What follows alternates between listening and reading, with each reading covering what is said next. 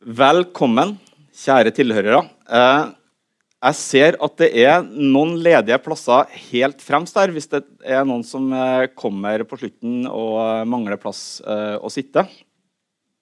Det er veldig kjekt å se at så mange av dere har fatta interesse for Forstå Russland, og i dag Forstå Russlands naboer. Det er en møteserie om våre store naboland som har blitt til i samarbeid mellom meg sjøl, Litteraturhuset her i Bergen og Fritt Ord. Mitt navn er Martin Paulsen. Jeg har brukt eh, de ca. 20 siste årene av mitt liv til å studere, forske på og undervise i russisk språk, litteratur og samfunnsforhold. Både her på Universitetet i Bergen og ut i den store verden. I dag skal vi utvide perspektivet en liten smule. Russland er verdens største land og grenser til 14 land. Vi er sjøl et av disse nabolandene og vet en del om hva det innebærer. Russland utgjorde jo dessuten kjernen i Sovjetunionen og har derfor sterke historiske forbindelser til mange av de tidligere postsovjetiske nabolandene. I flere av nabolandene så spiller dessuten det russiske språket en veldig viktig rolle. Til sammen så utgjør dette et helt spekter av naborelasjoner. I dette møtet skal vi snakke om hva Russland betyr for innbyggere i land som Hviterussland, Mongolia og Latvia, mellom andre. Som i mange av de foregående møtene i denne serien har vi med oss en forfatter med en blodfersk utgivelse Erika Fatland ved min side. Uh, hennes bok bærer den fulle tittelen, og nå skal jeg trekke pusten, 'Grensen'.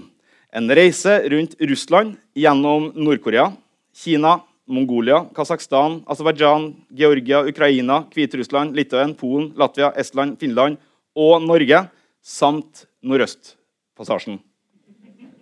Boka hadde slippedato i går, og jeg syns egentlig at Erika fortjener en applaus for uh, eh, dette verket.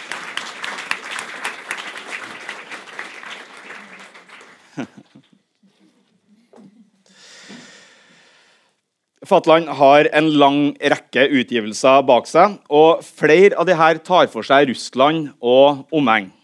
Dette gjelder både 'Englebyen' fra 2011, som tar utgangspunkt i det tragiske gisseldramaet som utspant seg i denne nordosetiske byen Beslan i eh, 2004.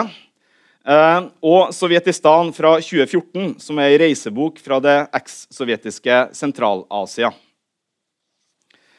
Fatland får i dag selskap av Lene Wetteland, som er seniorrådgiver i Den norske Helsingforskomiteen. Hun har lang fartstid i tidligere sovjetrepublikker, ikke minst Armenia, hvor hun jobba for Røde Kors. Kirgisistan, hvor hun har en master fra OSSE-akademiet i Bishkek. Og Tadsjikistan, hvor hun jobba med International Organization for Migration. Vetland har i dag ansvaret for Helsingforskomiteens prosjekter i Russland, og er stolt over at organisasjonen i år feirer sitt 40-årsjubileum. Velkommen skal dere være, begge to.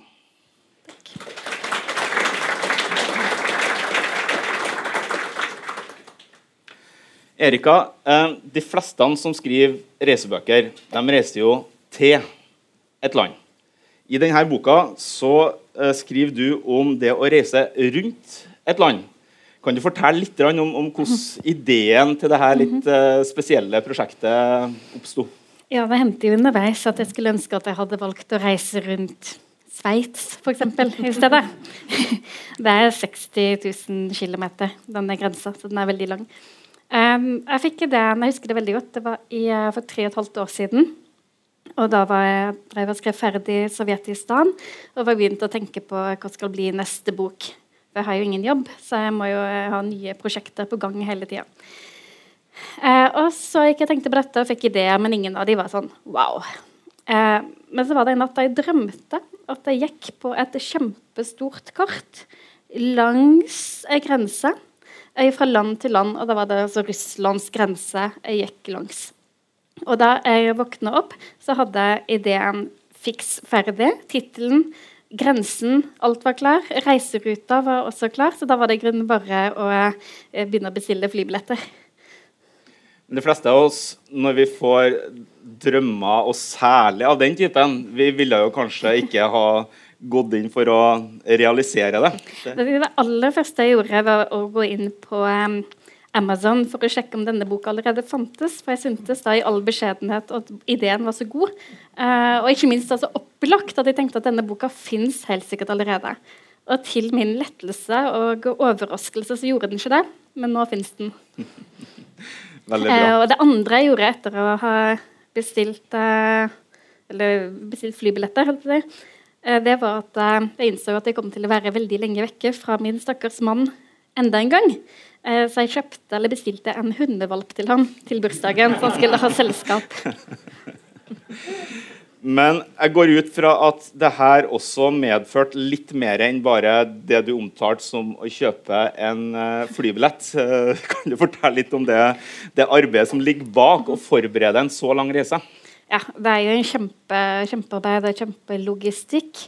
Det er en blanding av eh, forarbeid og veldig masse improvisering og planlegging også underveis. For det er jo ikke mulig å reise sammen 259 dager for å gjøre research til denne boka.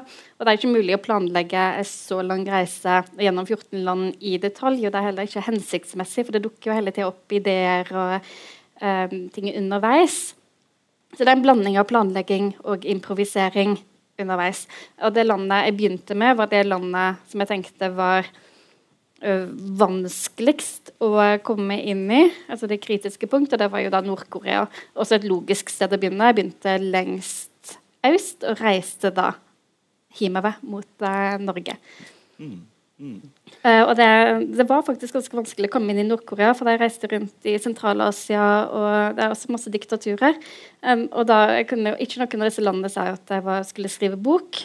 Men da sa at jeg var student, og det har fungert veldig bra. Bortsett fra at jeg pleide å bli skjelt ut for at jeg er så gammel og fremdeles studerer. Uh, men i Nord-Korea vil de ha papirer fra universitetet. Uh, og jeg tok jo ingen uh, eksamener det semesteret. Så um, jeg bruker Universitetet i Oslo som gratis språkkurs, nemlig.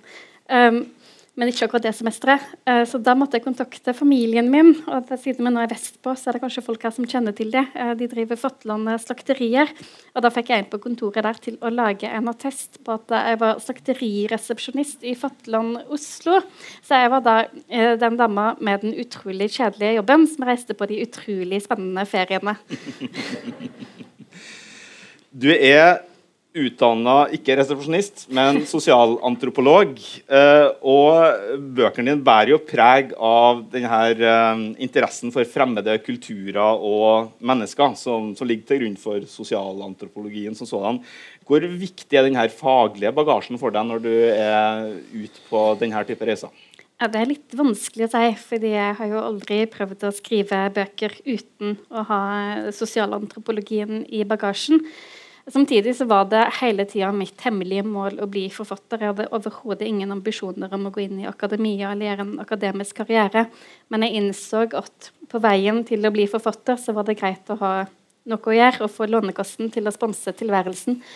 Eh, og dessuten så var jo sosialantropologi et fag som tiltalte meg, og det skader jo ingen å ha en akademisk ballast. Eh, og det er et veldig spennende fag.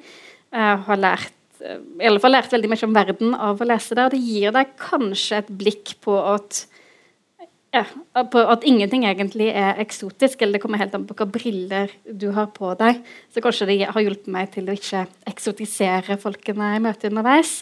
Eh, men min metode er jo egentlig veldig annerledes enn sosialantropologens. For en sosialantropolog eh, skal jo helst være en plass skikkelig skikkelig lenge, mens jeg bare reiser og reiser og reiser. Mm. Og møte masse folk underveis. da. Mm. Ja. Uh, du har reist gjennom veldig mange uh, ulike land. Går det an å si noe generelt om forholdet til Russland? Nei, i de landene? det er det de ikke gjør. Uh, men jeg kan si én ting, og det er at av de 14 nabolandene så er Norge det eneste landet som de siste 600 årene ikke har vært i krig med Russland. Eh, og som ikke har vært okkupert av Russland. Alle de andre har hatt eh, væpna konflikter med Russland eller vært okkupert. Mm. Ofte begge deler. da. Så uh, det er jo det, er et vanskelig land å ha som nabo. Det er et stort land som gjerne bruker enhver anledning til å bli enda større. Og mange av landene som jeg reiste gjennom, jo, var jo deler både av det russiske imperiet og av eh, Sovjetunionen. Mm. Og det eh, Nå er det jo en um, Vi må jo si det er en koloss du har skrevet, som folk som ennå ikke har rukket å kjøpe boka, kan glede seg til at dere vil ha med dere i lang tid. Dette er en, en bok man kan bruke god tid på å lese seg gjennom. Eh, men i den delen av boka som jeg har eh, rukket siden den ble tilgjengelig, eh, så er det et veldig fascinerende eh, naboskap må jeg si, med Kina. Det naboskapet framstår som litt annerledes enn de andre eh, naboskapene som Russland inngår i. Nettopp fordi at når jeg omtalte vårt forhold til Russland innledningsvis i dag, så snakka jeg om vår store nabo i øst. Men i forholdet til Kina så snus jo det på hodet. Kan du, kan du si litt mer om, om, eh, det forholdet, hvordan du opplevde det når du reiste til Kina? Mm. Ja, Det er et forhold som har snudd seg de, de siste tiårene, ettersom uh, Russland er blitt uh, svakere økonomisk, mens uh, Kina har hatt en kjempe en vanvittig vekst de siste ti årene. Og det merker man jo når man reiser rundt i Kina. det enkelte av byene får jo New York til å virke som et museum for gamle skyskrapere. Uh, fordi dette forholdet Hvis jeg kan gå litt tilbake i tid, da. Uh, på 1800-tallet var Kina den svake part. Og dette utnytta um, også Storbritannia og Frankrike under opiumskrigene. Og da slo Russland til i nord. Og så tuska de til seg en million kvadratkilometer. Blant annet da, det området der eh, Vladivostok eh, ligger i dag. Eh, og de hadde også i en periode egentlig, i praksis kontroll over hele Manchuria. Og dette styrkeforholdet varte til 1905, og da var det fordi Japan kom på banen. Og så var det den russiske-japanske krig som foregikk i Kina. Eh, og det var på en måte begynnelsen på det russiske imperiets fall. Dette fryktelige nederlaget for Russland. Første gang ei europeisk eh, stormakt tapte for ei asiatisk makt i krig. Det var bakteppet. Eh, men nå ser det jo helt annerledes ut. Og jeg kan illustrere det egentlig med en uh, anekdote fra boka. For jeg har jo prøvd hele tida å reise til plasser som er litt interessante i forhold til det å være Russlands nabo. Så I Kina så reiste jeg til en by helt i nord som jeg ble veldig imponert om noen andre her har vært der. Hei-he. Noen som har vært der? Eh, det er den byen i Kina som ligger nærmest en, en russisk by, Blagovitsjensk, som ligger på russisk side, rett på andre sida av elva, Amurelva. Eh, og jeg hadde da lest masse artikler om eh, alle russerne som reiser over til Heihe på harryhandel. Altså Heihe er Kinas svar på Strømstad. Eh, fordi de kan reise taxfree, og de, trenger ikke, de kan handle taxfree, og de trenger ikke visum for å reise over. Så det var sånn tusener på tusener som reiser over hver dag og handler. og De har bygd uh, svære kjøpesentre for å ta imot alle hordene av uh, russiske harryhandlere. Så jeg kom der til å glede meg veldig til det, for da hadde jeg reist rundt i Kina i noen uker.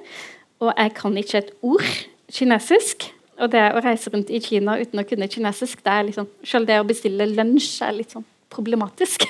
Man er jo da i praksis uh, døv og stum. Jeg kom til Heihe. Ikke en eneste russer å se. Eh, så går jeg ut til denne halvøya der alle kjøpesentrene er. ene kjøpesenteret er stengt, og det andre er i praksis stengt. Jeg kommer inn og blir møtt av en vegg med tepper og gardiner. Så er det fem, seks, sju butikker som er åpne, og de kaster seg jo over meg. Disse selgerne er desperate. De selger jo ingenting lenger. Og det er da et eksempel på eh, sanksjonene. Eh, fallet, rubelens fall. Eh, oljekrisen Altså, eh, De siste årene så er yuanen for eh, russerne blitt eh, dobbelt så dyr. Så det lønner seg jo ikke i det hele tatt å reise på harryhandel lenger. Så til slutt, etter å ha skikkelig lenge på restaurant Putin, så fant jeg fem russiske pensjonister som var på tur. Og det, du, det, du, det, bildet du drar opp nå, det er jo at det her er jo både en reise gjennom rom, men også en reise som inkluderer det her tidsaspektet, altså det historiske bakteppet for den naborelasjonen som Russland inngår med de ulike landene. Eh, Og nå er det jo veldig vanskelig å drive med, med spådommer, men, men, fikk du noe inntrykk av hvordan denne relasjonen vil utvikle seg i, i perioden framover? Altså, vil Russland bli viktigere for nabolandene? Vil det bli mindre viktig? Så du noen tendenser eh, på din reise som kunne peke i den ene eller den andre retningen? Jeg tror Kina blir viktigere for mange av nabolandene. Og Kina er på vei oppover. Det er pil som peker rett opp. Eh, og det som er interessant nå, f.eks. Um, siden Russland har et også vanskelig forhold til eh, mange vestlige land og mange naboland også pga. Ukraina og Krim, så har de jo virkelig lent seg mot Kina. Men det russerne kanskje ikke har tatt helt inn over seg ennå, tror jeg, det er jo dette forholdet det er ikke likeverdig lenger. Det er ikke slik at Russland er over Kina. Russland er langt langt under Kina. Og dette vet kineserne veldig godt, hvem som sitter med makta. Uh, så det er det er vel det eneste av nabolandene som Russland har et ulikeverdig forhold til. Og det forholdet blir nok mer og mer ulikeverdig i tida framover, samtidig som Russland tror jeg blir mer og mer avhengig også av Kina. Eh, for eksempel, også interessant, nå er det det bor jo vel som kjent masse folk i Kina. Eh, I eh, den russiske Fjernøsten-regionen, som er regionen øst for Sibir. Gigantisk område der bor det så å si ingen mennesker. Nå husker jeg ikke tallet i hodet. Er det ti millioner som bor der? Skikkelig få mennesker som bor der. Eh, så det som nå skjer, er at eh, kineserne leier jord der for å dyrke jord. Og dette er litt sånn ambivalent da, for russerne som bor der. På den ene sida jorda ligger brakk. De trenger folk som kommer og jobber der. På den andre sida er de jo livredde for at kineserne skal komme og ta over. Mm. Lene, eh, mens veldig mange av oss andre er på bortebane i de områdene som Erika her har reist gjennom og skriver om, så har jo du eh, definitivt gjort deg kjent med mange av disse landene. Ikke minst i Sentral-Asia og mm. Kaukasus er du virkelig på, på hjemmebane. Eh, hva tenker du om forholdet til særlig disse landene, altså Kaukasus, eh, Sentral-Asia-regionen? til, til Russland som, eh, som, nabostat.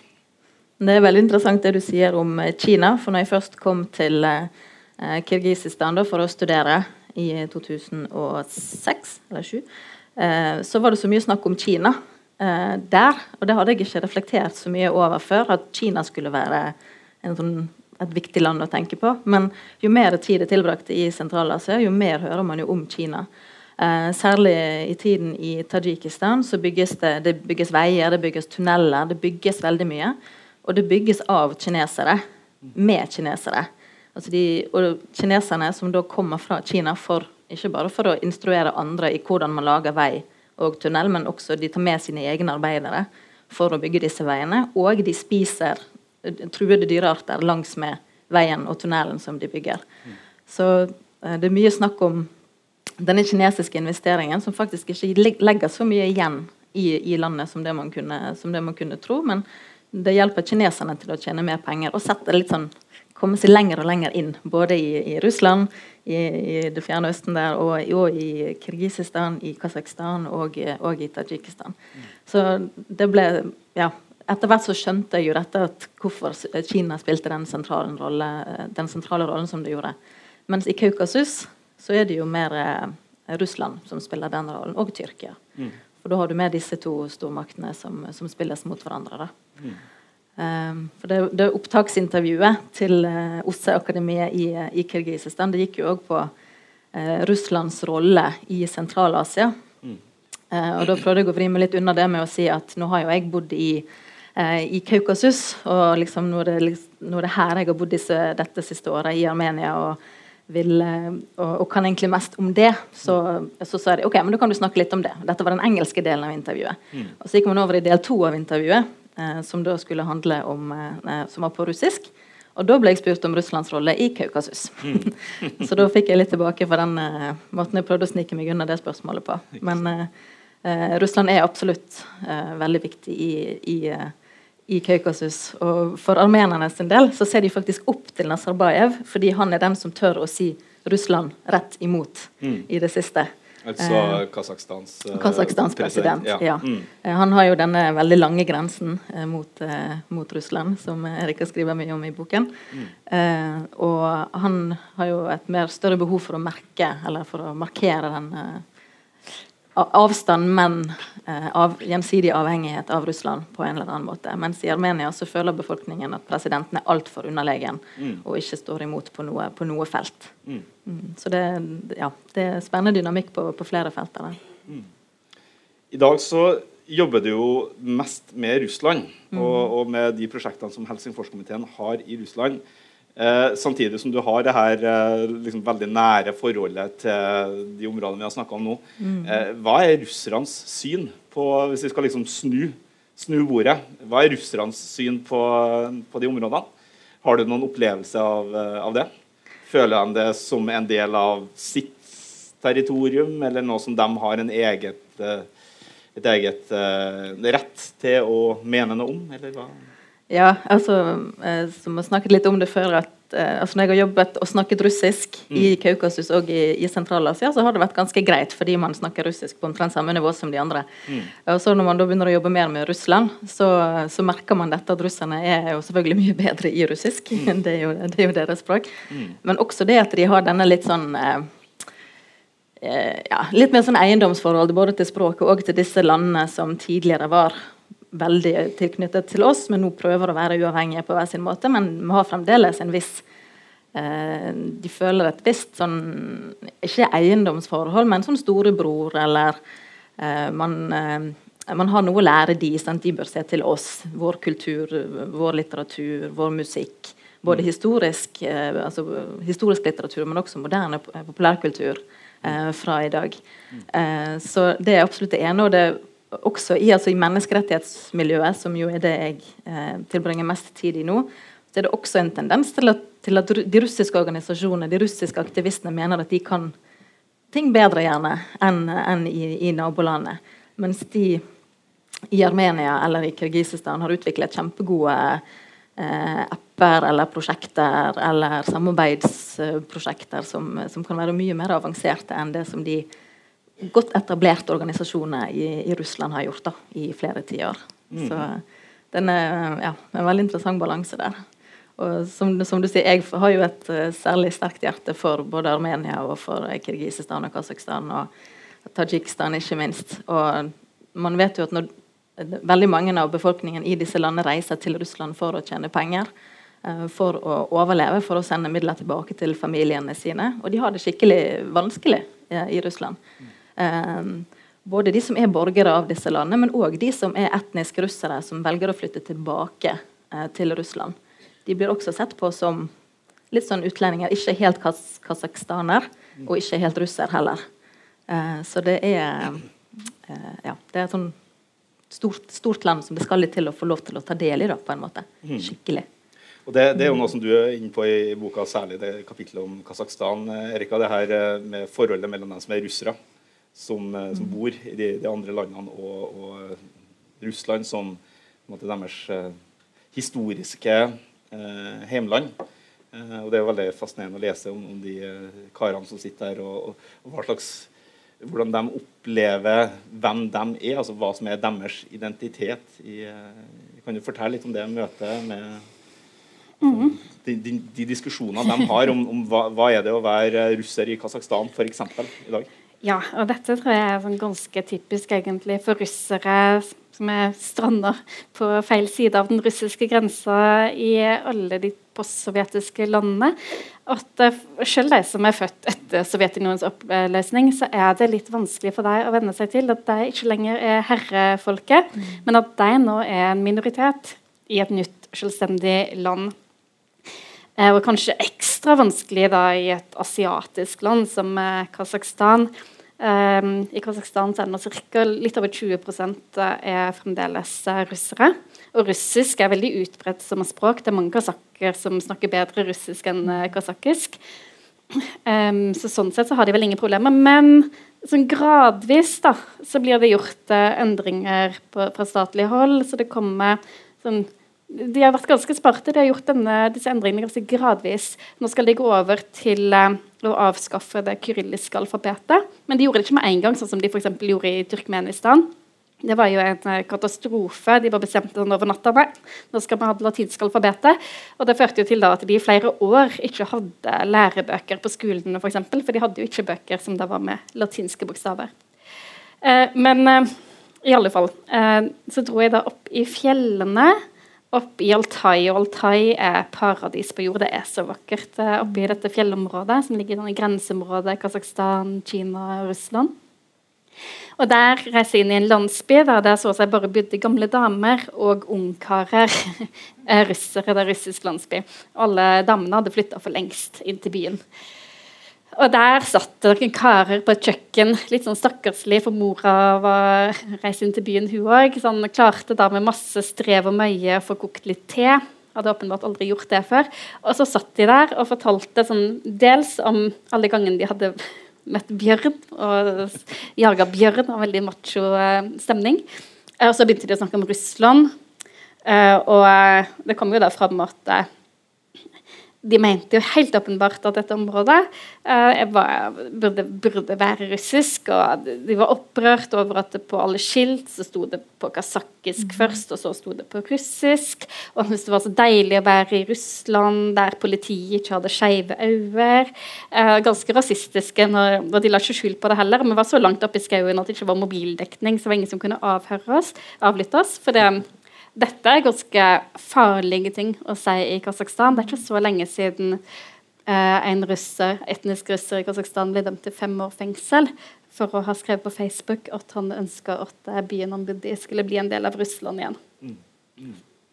Det her er jo midt i det du jobber med hver eneste dag, eh, Lene. Eh, de eh, forholdene for menneskerettigheter og mm. demokrati i dette området og Du er også da seniorrådgiver for den norske Helsingforskomiteen, som i fire tiår har jobba med uh, utvikling av menneskerettigheter og demokrati. Uh, og som uh, etter hvert med tida har valgt å fokusere nettopp på denne regionen.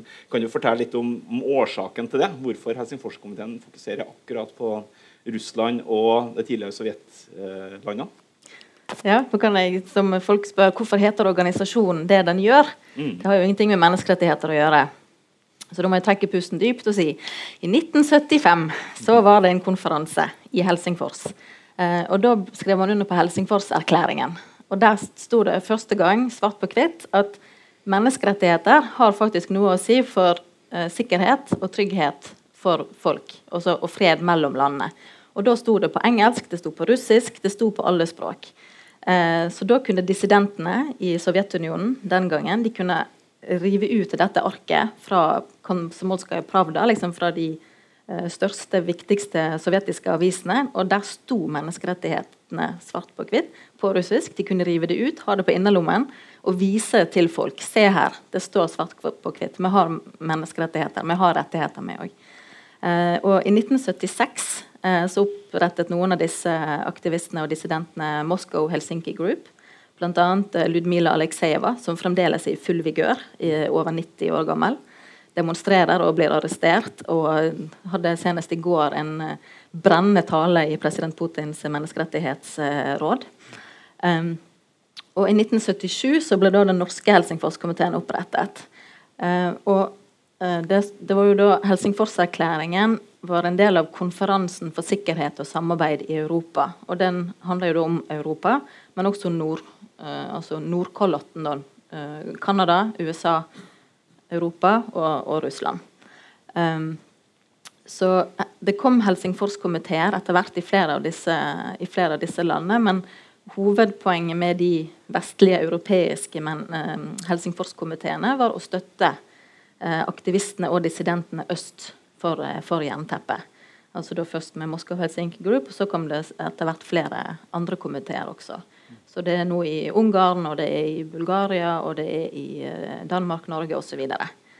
så det var lenge et nettverk av disse organisasjonene, som etter hvert har gått over til å bli mer eh, uavhengige og selvstendige organisasjoner. En del av Helsingforskomiteene finnes ikke lenger, eh, osv. Men man har eh, modernisert seg, endret seg eh, og, og, samarbeider på, på andre måter. Men eh, siden Helsingforserklæringen og konferansen for sikkerhet og samarbeid i Europa, som så ble Organisasjonen for sikkerhet og samarbeid i Europa, OSSE, eh, hadde dette geografiske eh, ansvarsområdet, for å si det sånn, så er det de landene eh, den norske Helsingforskomiteen har fortsatt å, å, jobbe med.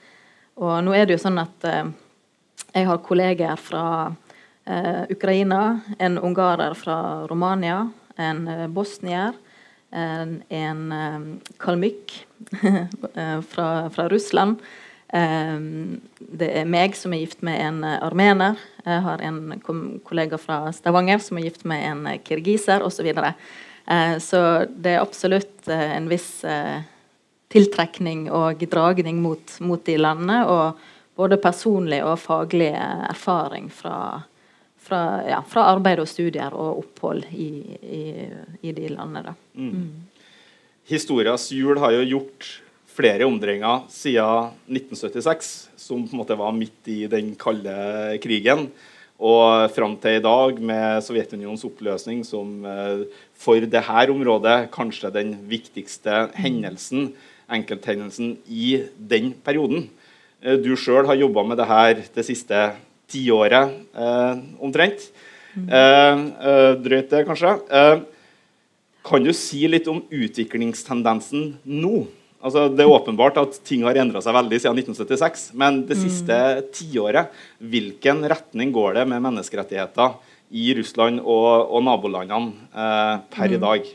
Ja, det er alltid, altså Av og til så sier mine kollegaer som har jobbet i dette feltet enda lenger enn meg, at vi er på en måte tilbake der vi startet med eh, at uh, russiske myndigheter, russisk lovgivning, setter opp veldig veldig sterke begrensninger på hvordan organisasjonene ikke bare kan motta finansiell støtte fra utlandet, men også rett og slett eh, snakke med kolleger i, i utlandet.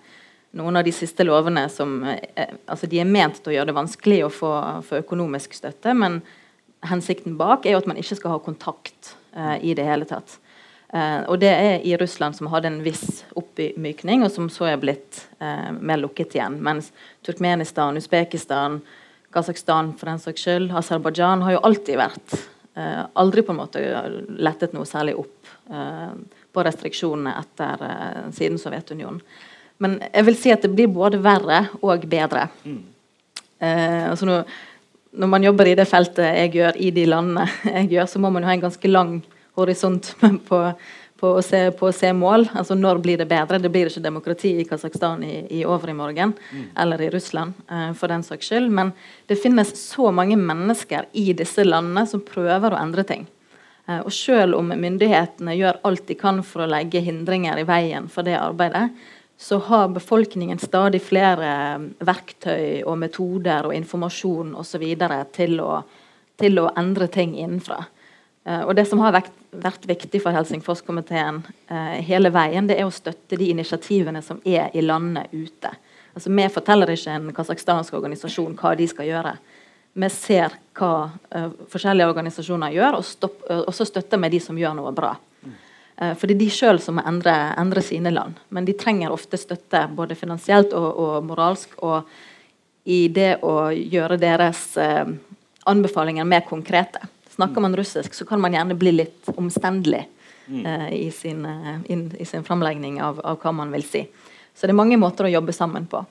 Uh, og det er så mange som gjør så mye bra, og det ser man jo særlig i Russland de siste ja, særlig de siste ukene, men, men de siste årene òg, at stadig flere slutter å se på TV, de finner informasjon andre steder. De finner det på internett, de lærer seg engelsk, de finner informasjon andre steder. og de de tenker mer kritisk, de snakker seg imellom, de går ut i gatene i demonstrasjoner eh, og osv. Så, eh, så jeg vil si at ja, det blir verre på veldig mange områder, samtidig som det da både provoserer og eh, skaper muligheter og engasjement hos, hos, de som prøver å endre på noe. Og de blir stadig flere, de aktive. Mm. Mens de passive som sitter hjemme og er fornøyd med tingenes tilstand, de er jo passive hjemme. Mm. Så de, de, påvirker ikke så mye, uh, så mye den utviklingen. Da. Ja, så du er, ikke, du er ikke bare pessimist? Nei, altså jeg kan jo ikke være det heller. eh, altså, det er stadige tilbakeslag. og Senest i går så publiserte Memorial en ny liste over politiske fanger i Russland. Det sitter 117 mennesker fengslet i Russland bare på grunnlag av deres eh, tro, på, deres, eh, på, at de har sagt at Krim er en del av uh, Ukraina. At de har delt en post på, på Facebook. Altså at de har demonstrert vært ute på en, en aksjon i gatene. Altså, og det er i vårt, vårt, naboland sitter det 117 mennesker fengslet. Og i eh, Aserbajdsjan og andre land så sitter det flere. Mm. Um, så det er stadig tilbakeslag, og folk jeg kjenner, har blitt drept. Denne mm. journalisten Pavel Sjeremet i Ukraina mm. uh, møtte jeg bare uker, uker før det. Så det, det, er stadig tilbakeslag, men likevel så finnes det mange som, som, som står på og fortsetter å jobbe for det som de tror på. Uh, og, og, de menneskene de de er, så flotte og de er så fascinerende, så det er bare å bøye seg i støvet og se hva de får til, uh, hva de får til etter hvert. Mm.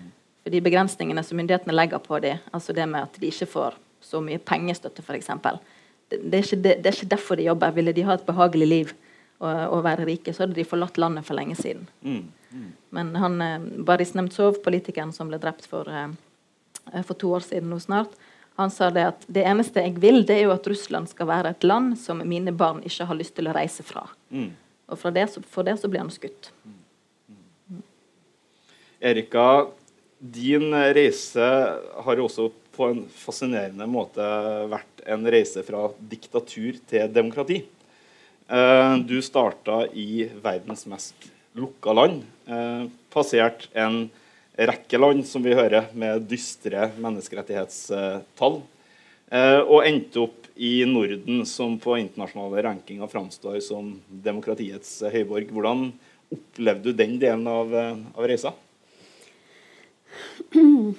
Jeg skal svare på spørsmålet ditt. Jeg bare sitter og brenner inne med en historie som jeg fikk så lyst til å fortelle. Gjør det. Gjør, del, del historien din med oss. Eh, det, er, mm, det som gir mest inntrykk alltid når jeg er ute og reiser, det er jo disse menneskemøtene. Eh, det var spesielt et menneskemøte. Jeg møtte med en gammel kvinne på landsbygda nord for Krim i Ukraina som har gjort et utslettelig inntrykk på meg. Jeg synes hennes historie det sier, det sier også noe om Eh, det russiske imperiet, uh, hvor um, multinasjonalt det var, hvor stort det var, men også hvordan menneskene den gang som nå ofte bare ble brikker i et uh, maktspill. Uh, Gammel svensk by heter den landsbyen jeg vil fortelle om. og det var Jens Risnes som sa at når du skal til Ukraina, så må du dra dit. Jeg hadde sånn, jeg aldri hørt om det før. Og Gammelsvensk by ble grunnlagt på slutten av 1700-tallet under Katarina den store. Eh, og da fikk hun sendt svenskene som bodde på Dagø i Estland, til dette nye landet som da nettopp var blitt erobra av eh, Russland, Novorossija, Ny-Russland, eh, og sendte disse svenskene dit. Og Vi vet ikke helt om det var frivillig, at de ble lova gull og grønne skoger, eller om de ble tvunget til å reise dit. Og Igjen da, stormaktspolitikk. Eh, det bodde jo svensker i Estland, fordi Sver Estland og Baltikum hadde jo da vært en del av eh, Sverige som dere vet i noen hundre år før det. Og Det er jo også fascinerende å tenke på at det nøytrale Sverige var stormakt, en ganske brutal stormakt i noen hundre år. Men nok om det. Disse, det var ca. 1200 svensker som begynte å gå til fots fra Estland til Ukraina. Litt under halvparten kom fram. Og etter to år, ifølge eh, kirkebøkene, så levde det 135 individer i denne landsbyen. Så det var jo ingenting som venta de der. Det var en brutal virkelighet. De måtte klare seg selv. Men etter en stund så ble dette, denne lille landsbyen ble, ble livskraftig, og de ble flere og flere, og de bevarte sin svenske kultur og sitt språk. På 1920-tallet, da Ukraina ble en del av Sovjetunionen, så fikk svenskene endelig tillatelse til å reise hjem til Sverige. Uh, og Da var det nesten 900 stykk som reiste. Bare en håndfull ble igjen. Dette var i 1929. Da var det depresjon, det var økonomisk uh, nedgangstid. Det var ikke bare bare å bo i Sverige heller. Så etter noen år i Sverige så reiste litt over 200 av disse ukrainske svenskene tilbake igjen til uh, Ukraina, til gammel svensk by. Og timingen kunne jo ikke vært dårligere. Det var like før uh, hungersnøden, det var like før Stalins terror, og det var like før uh, andre verdenskrig. Og blant, blant, de som reiste tilbake igjen, det var foreldrene til Maria. Maria ble født i 1937, så hun husker jo da ennå krigen, da tyskerne kom, og siden de da var Eh, skandinavere, så ble de først sendt til, deportert sendt til eh, Tyskland, eller tyskokkupert område. Og så da eh, krigen eh, ikke lenger gikk i Tysklands favør, så de, skulle de hjem igjen til eh, Ukraina fikk de vite, og ble sendt på et tog. Toget bare fortsatte, det stoppa ikke i Ukraina. Det stoppa ikke før de var framme i Sibir, og der var de da i to år. Der mista Maria to av søstrene sine. Det var brutale kår. Og så fikk de komme tilbake til gammel svensk by i 1947. Det var hungersnød, det var kjempetøft. Faren deres han enda på amerikansk side etter krigen. Så han ble sendt til Sverige, og de fikk ikke høre et livstegn fra han før i 1957. Men mora fikk jo da invitasjon til å reise dertil. Eh, men da kom det sovjetiske politiet og satte henne i kjeller til å skrive under på et papir at hun ikke hadde ønske om å møte sin mann igjen. Først i 1975, da Maria var 37 år gammel, fikk hun reise sammen med broren for å besøke faren sin i Sverige. Og det var Kjemperørende å fortelle om det. denne mannen som kom inn tårevåt hver morgen før han skulle på jobb, og ga ungene sine et kyss. Og sa at ei uke måtte de tilbake igjen til Sovjetunionen. Eh, og denne gamle dama eh, henne møtte jeg da på den ukrainske landsbygda. Sånn skikkelig ukrainsk landsbygd med tømmerhus og dårlige veier og utedo og høner i bakgården. Eh, og der står denne krukkerygga gamle dama og hilser meg velkommen på den svensken som de snakker på 1700-tallet. 1700-tallssvensk. Og så sitter vi og snakker i lag hele kvelden. Jeg er på norsk, og hun på sin 1700-tallssvensk. Og så forteller meg hele sin dramatiske historie. En uforglemmelig kveld. Det vil jeg tro. Og det, det sier litt om som du sier, alle de skjebnene som gjemmer seg på en måte i, uh, i hele det her uh, ja. området, og de historiske omveltningene som folk har, uh, har gjennomlevd. Ja, ikke sant? For så forteller jeg dette da til en ukrainer i Kiev. og jeg bare for et møte. Så dramatisk, sier det. Krigen, deportasjoner. Og hun bare Ja, ja, alle har sånne historier her. Det gjorde ikke inntrykk på henne i det hele tatt. Ja. Det er jo et, eh, et veldig uh, populært TV-program på russisk TV, Zdiminja, 'Vent på meg', uh, som jeg så med mine uh, de jentene som jeg delte leilighet med i Kirgisistan. Da. de så på dette programmet for å få med seg dette hjerteskjærende eller det varme møtet når folk fant hverandre til slutt. Mm. Mens jeg så på det litt for å nettopp uh, se mer om dette altså hva Sovjetunionen og Tsar-Russland og Russland har gjort med folk, familier og folkeslag. Altså, for der har man Programmet handler jo da om at en uh, ja, 60 år gammel dame vil gjerne møte uh, soldaten som hun hadde en romanse med i, for, for, for, for, 50 år, ja, for, 40 år siden. Mm. Uh, og så sporer dette programmet opp. da, og Så viser det seg jo at hun bor nå i Kasakhstan. Men mens hun studerte, så bodde hun i Armenia. Mens uh, hun var på en helgetur til Ukraina, Svartehavskysten. og Der møtte hun en ung soldat som opprinnelig var fra Latvia, men hadde vokst opp i Hviterussland fordi at hans foreldre hadde jobbet der. og de hadde kommet dit fra Sibir, der besteforeldrene var blitt deportert under andre verdenskrig. Og så alle disse som bare blir nevnt i forbifarten som en sånn, bare for å forklare hvorfor de var der, der og da. Uten å, uten å si noe mer om hvorfor. Hvorfor i all verden var det så mange mennesker på så mange forskjellige steder? Og det som du sier, alle har en sånn historie. Og det er liksom bare utgangspunktet. Og så er poenget at de møtes, og det var fint. Mm. mens, mens, mine venner satt og gråt fordi at dette var et sånn veldig sterkt møte, så satt jeg nesten og noterte. For å liksom OK, da var den gangen. Ja vel, ja. OK, sånn.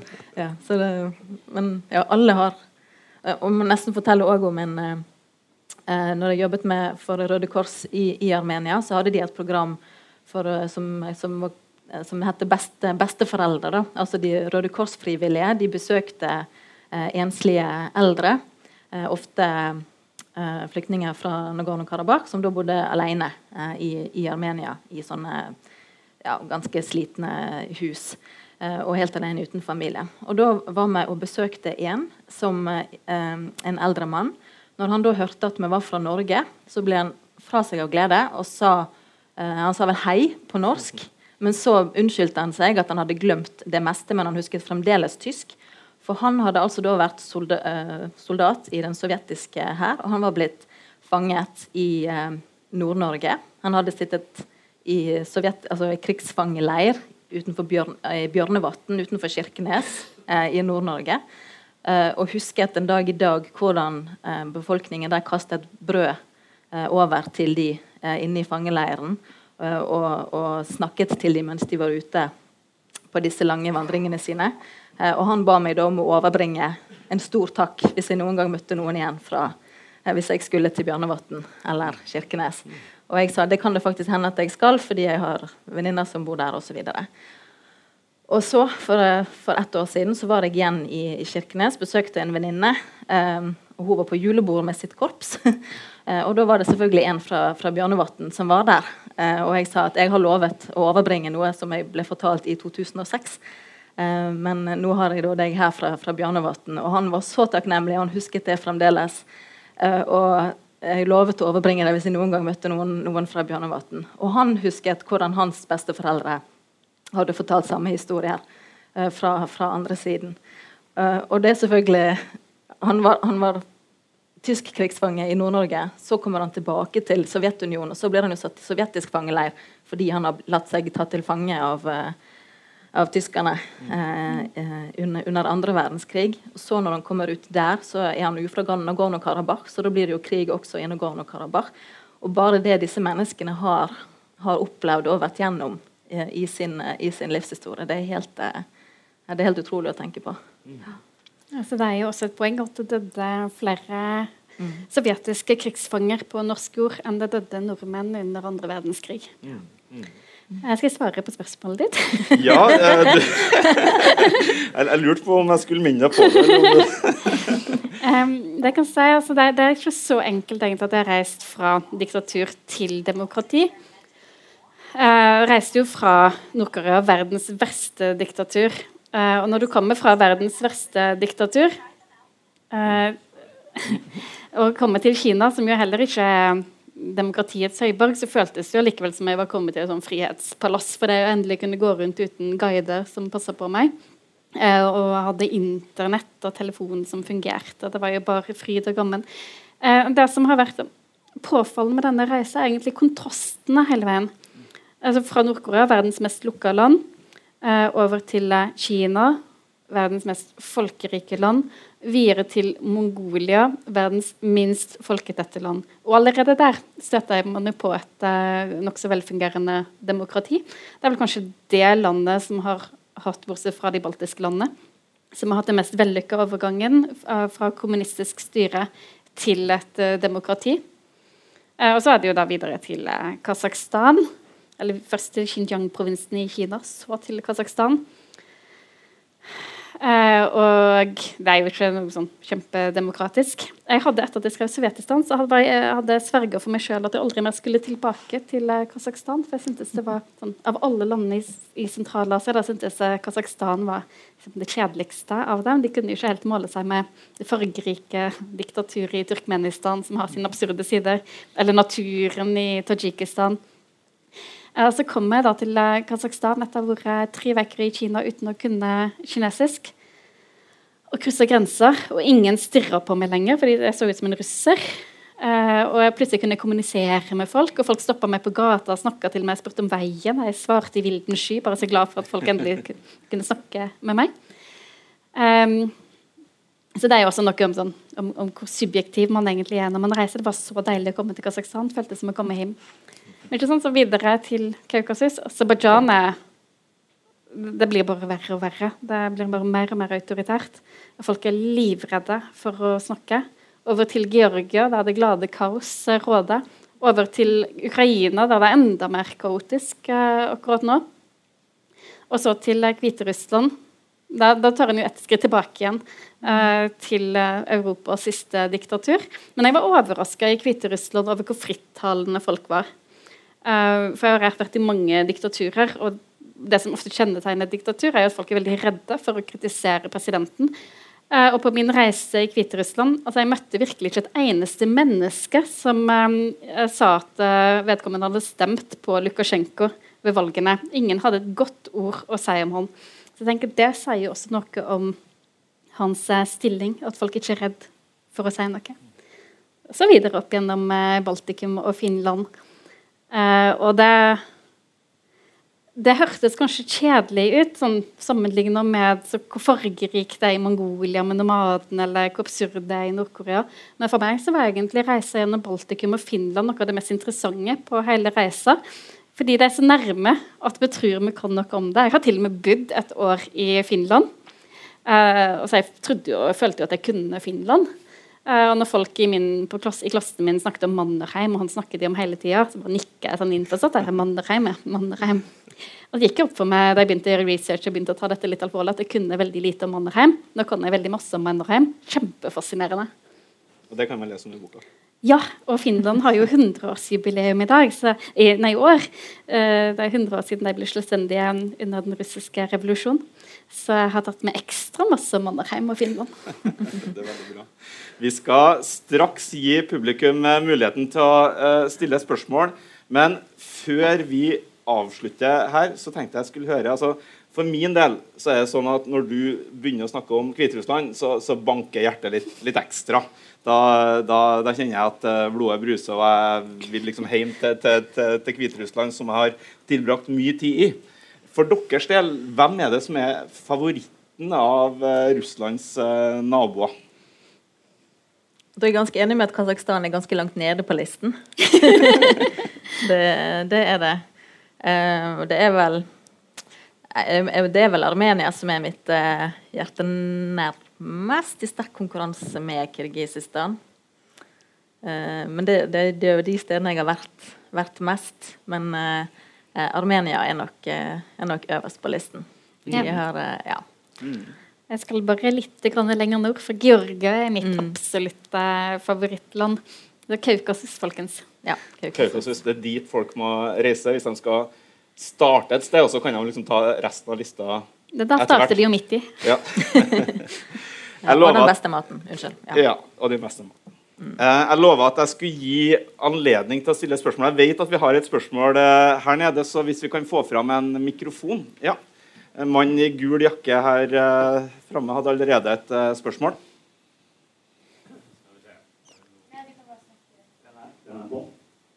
Jeg tenkte litt på Helsingforskomiteen, som er så opptatt av å bringe en litt annen form for demokrati til Russland. Det er jo ingenting som, som fyrer mer oppunder lederskapet i Russland enn, og befolkningen i Russland enn de vestlige boikottene og sanksjonene. Hvordan stiller Helsingforskomiteen seg til det? Takk. Mm -hmm. uh, skal jeg svare med en gang? Eller vil du ta ja, du kan godt uh, ta, svare på det spørsmålet. Ja. ja. Nei, uh, sanksjoner det, det, er et veldig, et veldig viktig og interessant spørsmål. For det sanksjoner, målrettede, smarte sanksjoner mot de individene og de selskapene som faktisk har gjort noe gale, det er veldig viktig. Sanksjoner mot et helt land, det er uaktuelt. Men det er så mange av de overgrepene altså Vi har snakket om Russ, Russland, Sovjetunionens historie. Så mange overgrep som har skjedd uten å ha blitt straffet. Og, og hvis man på en måte overlater alt til, eh, til, de landene der overgrepene har skjedd, så vil man aldri, mange aldri ta et oppgjør med det. Og man vil aldri straffe de som har gjort de alvorlige overgrepene. Eh, I Russland f.eks. Eh, Tsjetsjenia, store overgrep mot, eh, mot sivilbefolkningen. Og dette gjentar seg fordi man ikke blir straffet eh, i det landet eh, der man eh, har kontakter til president, til styresmakter, til eh, innad i, i politi osv. Så, videre.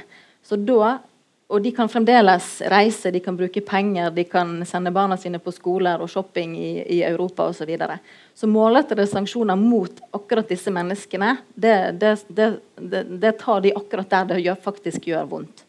Uh, og det merker man faktisk har en stor påvirkning. fordi sånn som uh, president Putin nå reagerer og svarer på disse sanksjonene, så ser du at de har en funksjon. Det, er tydelig at han blir kritisert av de rundt seg for at disse sanksjonene merkes. Så uh, målrettede sanksjoner, absolutt. Men man må fremdeles samarbeide med myndighetene og de individene som gjør bra ting. Eh, fiskeripolitikk f.eks. Da må man fortsette å snakke med Russland. Og det er veldig mange mennesker i Russland, også i, eh, i styresmaktene, som vil gjøre, veldig, gjør, vil gjøre, bra ting. Og de må man fortsette å samarbeide med. Samtidig som man må straffe de som har gjort overgrep, der det faktisk der det er mulig å gjøre det. Og det er med å ta de store pengesummene som de plasserer i Norge og i andre land i Vesten. Og det er det vi kan gjøre noe med. Et spørsmål her. Audun? Ja, takk for uh, veldig interessante eh, beretninger. Og uh, det som er spørsmålet mitt, er Dere har snakket om de gamle randstatene altså, som tidligere var en del av Sovjetunionen. Og litt som relasjon til Sovjet, eller nå Russland. Vi vet at Russland prøver hele tiden å øke sin innflytelse i disse randstatene. altså på ulike måter. Men fins det noe som helst tendenser til en slags solidaritet mellom disse landene så på en måte for å, for å kan du si, motvirke den kan du si, påvirkningen fra Russland? Eller er det, er det helt utenkelig?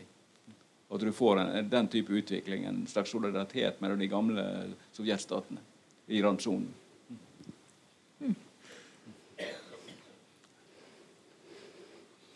Ja, hvem føler seg kallet til å svare på det spørsmålet? Eh, altså, min erfaring er jo at disse landene altså det, det, er igjen veldig vanskelig å generalisere. Mm. Så I Sentral-Asia det første de gjorde da Sovjetunionen gikk i oppløsning, var å bygge grensestasjoner. Så I veldig mange av disse landene hadde jo mer kontakt med Russland enn med, med hverandre. Mm. Eh, Baltikum der er det jo en solidaritet, og der har de vært helt fra eh, sangrevolusjonen, eh, som var begynnelsen på slutten på Sovjetunionen.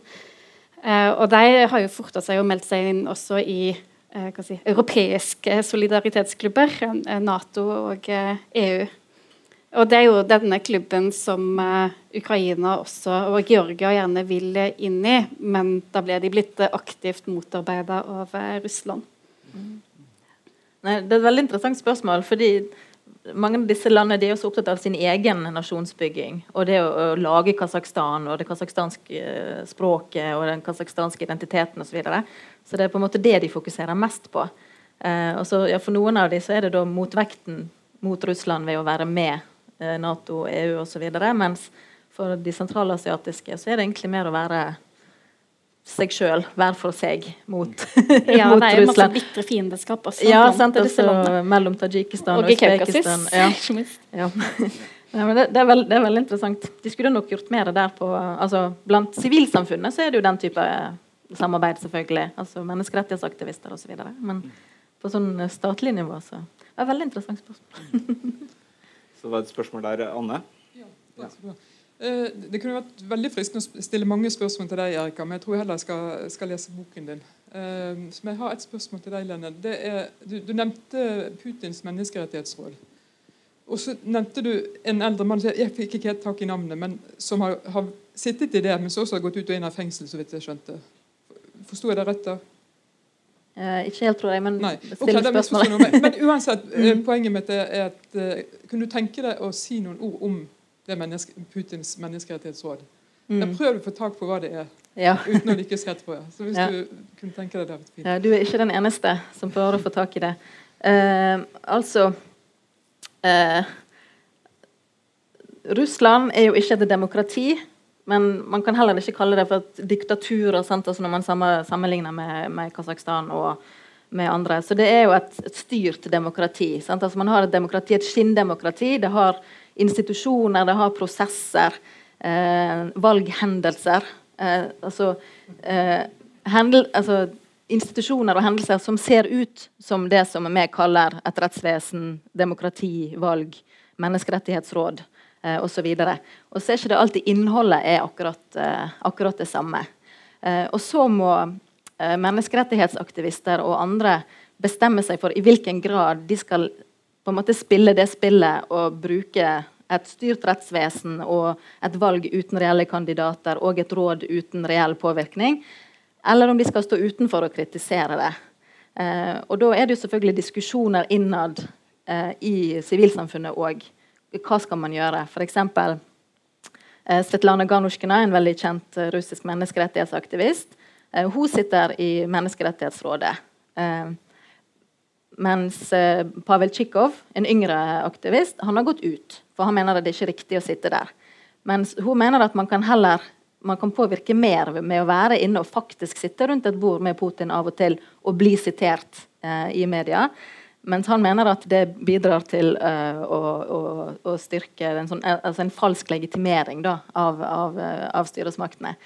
Uh, så uh, jeg vet, ikke om det svarer på spørsmålet, fordi fordi det er verken det ene eller, eller, det andre. Men man må bare velge å, å bruke det til, til, det man kan. Det er litt sånn som med, sanksjoner òg. Altså at man må, man må samarbeide der det er mulig for å få til forandringer. Og så må man uh, stå hardt mot hardt der det er veldig prinsipielle uh, avgjørelser, som med Krim og med annet, der man faktisk må si at nei, sånn er det ikke, og her kan man ikke gå inn på, uh, inn på kompromiss.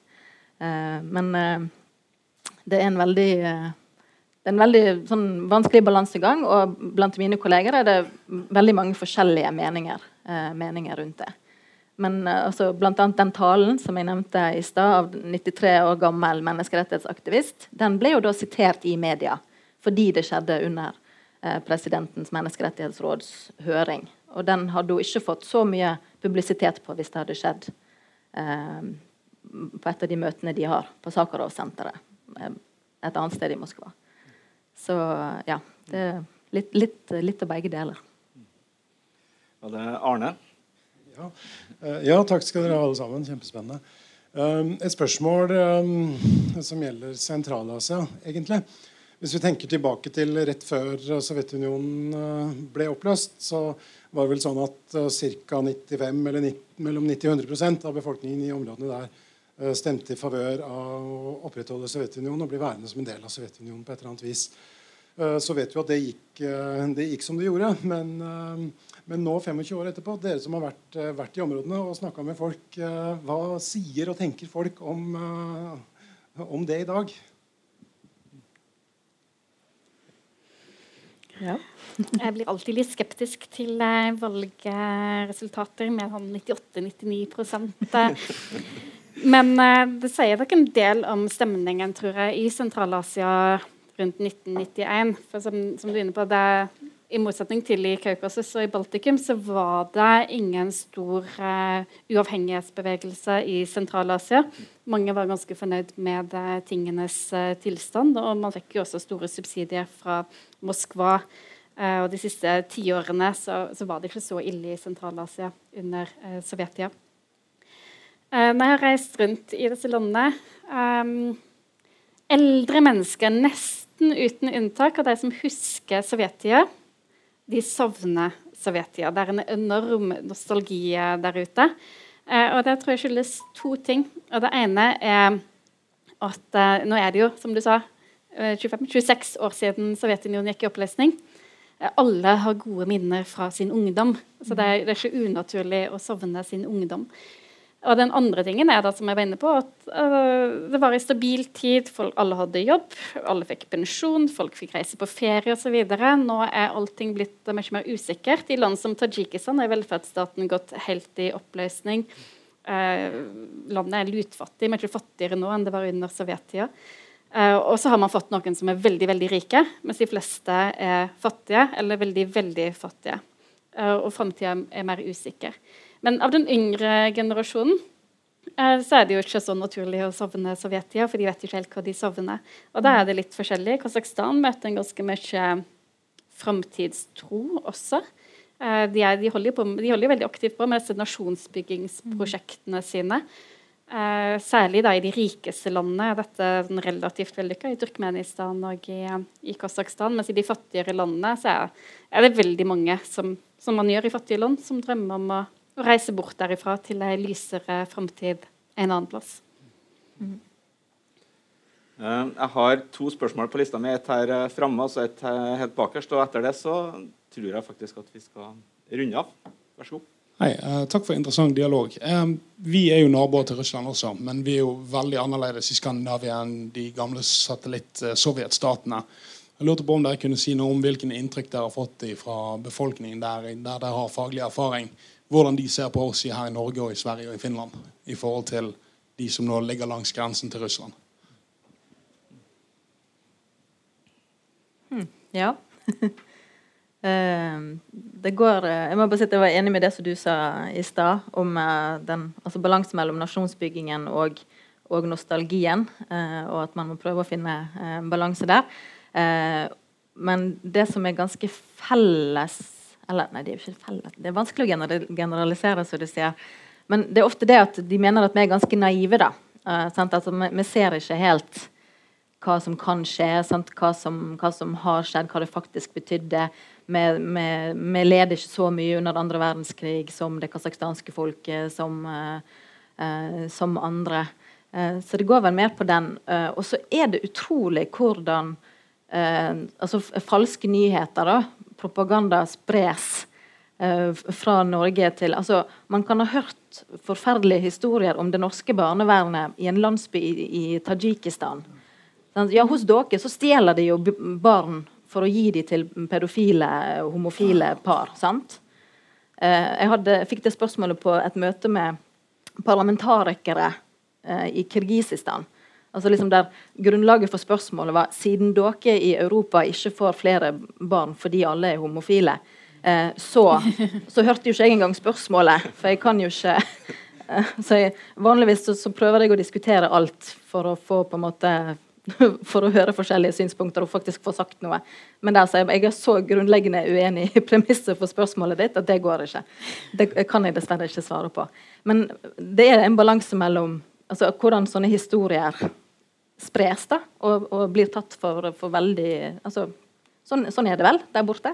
Nylig så var det jo historier i russisk medie om at i Norge hadde mye grønnsaker i butikkene. Eh, og det er det òg folk som da eh, tror, tror på. Så det er for det er jo fremdeles veldig mye russisk, russisk, russiskspråklig og russisk statlig media sin informasjon som, som blir spredd også til disse landene, fordi at de kan kanskje ikke engelsk eller, eller uh, fransk, spansk, men de hører på russiske nyheter som det som kommer utenfra. Uh, og der kan det jo komme ganske mye rart. Jeg slutter meg helt til det. Jeg vil bare en liten kommentar. Så det er litt interessant at du nevner Finland og Norge i samme åndedrag. Mm. Fordi Finland og Norge har ikke veldig veldig forskjellig historie med Russland. Finland var en del av det russiske imperiet. Og Finland har opplevd noe som Norge ikke har gjort, og som fremdeles, selv om dette var i 1939, har satt veldig dype spor i finske, finske folkesinnet. Eh, de ble invadert av av Sovjetunionen i 1939. Og selv om det ikke er helt sant, så i den finske mentaliteten så sitter den historien om at da var Finland helt alene mot Sovjetunionen. Eh, og det er noe som har festa seg i finnene, og som, som, på en måte gjør at de på et vis går og stålsetter seg litt. Um, ikke at det, det, er veldig mange finner som går og uh, venter på en umiddelbar invasjon fra den russiske naboen, men de har opplevd det før. De vet det kan skje igjen. De, det er en grunn til at de ikke er medlem av uh, Nato. De eh, stoler på seg sjøl. Vi hadde et aller siste spørsmål helt uh, bakerst der. Vær så god. Hei. Um, da jeg studerte i Russland og uh, kranglet med min russiske professor om Ukraina, så hevdet han at uh, Ukraina tjente like mye på konflikten der som Russland. Er det sant? ja. på hvilket ja, Nei, hvor skal man begynne? Skal vi se. Uh, Ukraina kunne jo tjent veldig mye mer altså kunne tjent noe på det hvis de hadde sittet litt mer stille i båten og ikke innført altså, uh, begrensninger på russisk journalistikk, uh, innreise av russiske popstjerner og annet. men Russland har jo okkupert store deler av ukrainske territorier. De har Eh, de har eh, våpen og soldater eh, i øst og har skapt en altså, den største konflikten i Europa på, på, på, mange år. Så det er jo klart at uh, Ukraina har tapt veldig mye mer uh, enn Russland på, på, det. Men uh, ja, jeg kan ikke se hvor mye de har vunnet på det, egentlig. Ja, det rådende siden er vel at det Russland ønsker å oppnå med krigen i Donbass, det er jo et blødende sår for Ukraina, og slik holder de det nede. Ja. Mm. Jeg tror eh, vi må avslutte der. Med disse lyse ord. Ja. Ikke sant. Jeg vil eh, gjerne takke for dagens møte. Både til dere som eh, har vært der og både hørt på og stilt spørsmål. Jeg vil eh, takke våre to gjester, Erika Fatland og eh, Lene Wetteland. Jeg minner om at det er nytt møte i serien Forstå Russland. Forstå den russiske samtidslitteraturen eh, den 5. desember. Samme tid, samme sted. Da har jeg invitert Inge Inger Lunde, eh, som var min stand-in på forrige møte, fra UiB, og oversetter Marit Bjerkeng, som tar eh, turen hele veien fra Alta for å fortelle om hva som foregår i russisk litteratur i dag. I eh, tillegg så kan jeg avsløre at jeg har en aldri så liten overraskelse opp i ermet når det gjelder det arrangementet. Så Der gjelder det å følge med både på Facebook-sidene for arrangementet og på Litteraturhusets hjemmesider. Billettene er allerede til salgs, og som dere ser av fremmøtet i dag, det kan være lurt å være tidlig ut for å sikre seg plass. Helt avslutningsvis, Erika, så vil jeg minne dem som sitter her på at boka di er til salgs bakerst i lokalet. Og hvis folk vil, så har du sagt at du gjerne eh, skrive en liten hilsen. Ja, neste helg er det farsdag, og det er ikke lenge til jul heller. Dere tok hintet. Tusen takk for i dag, folkens.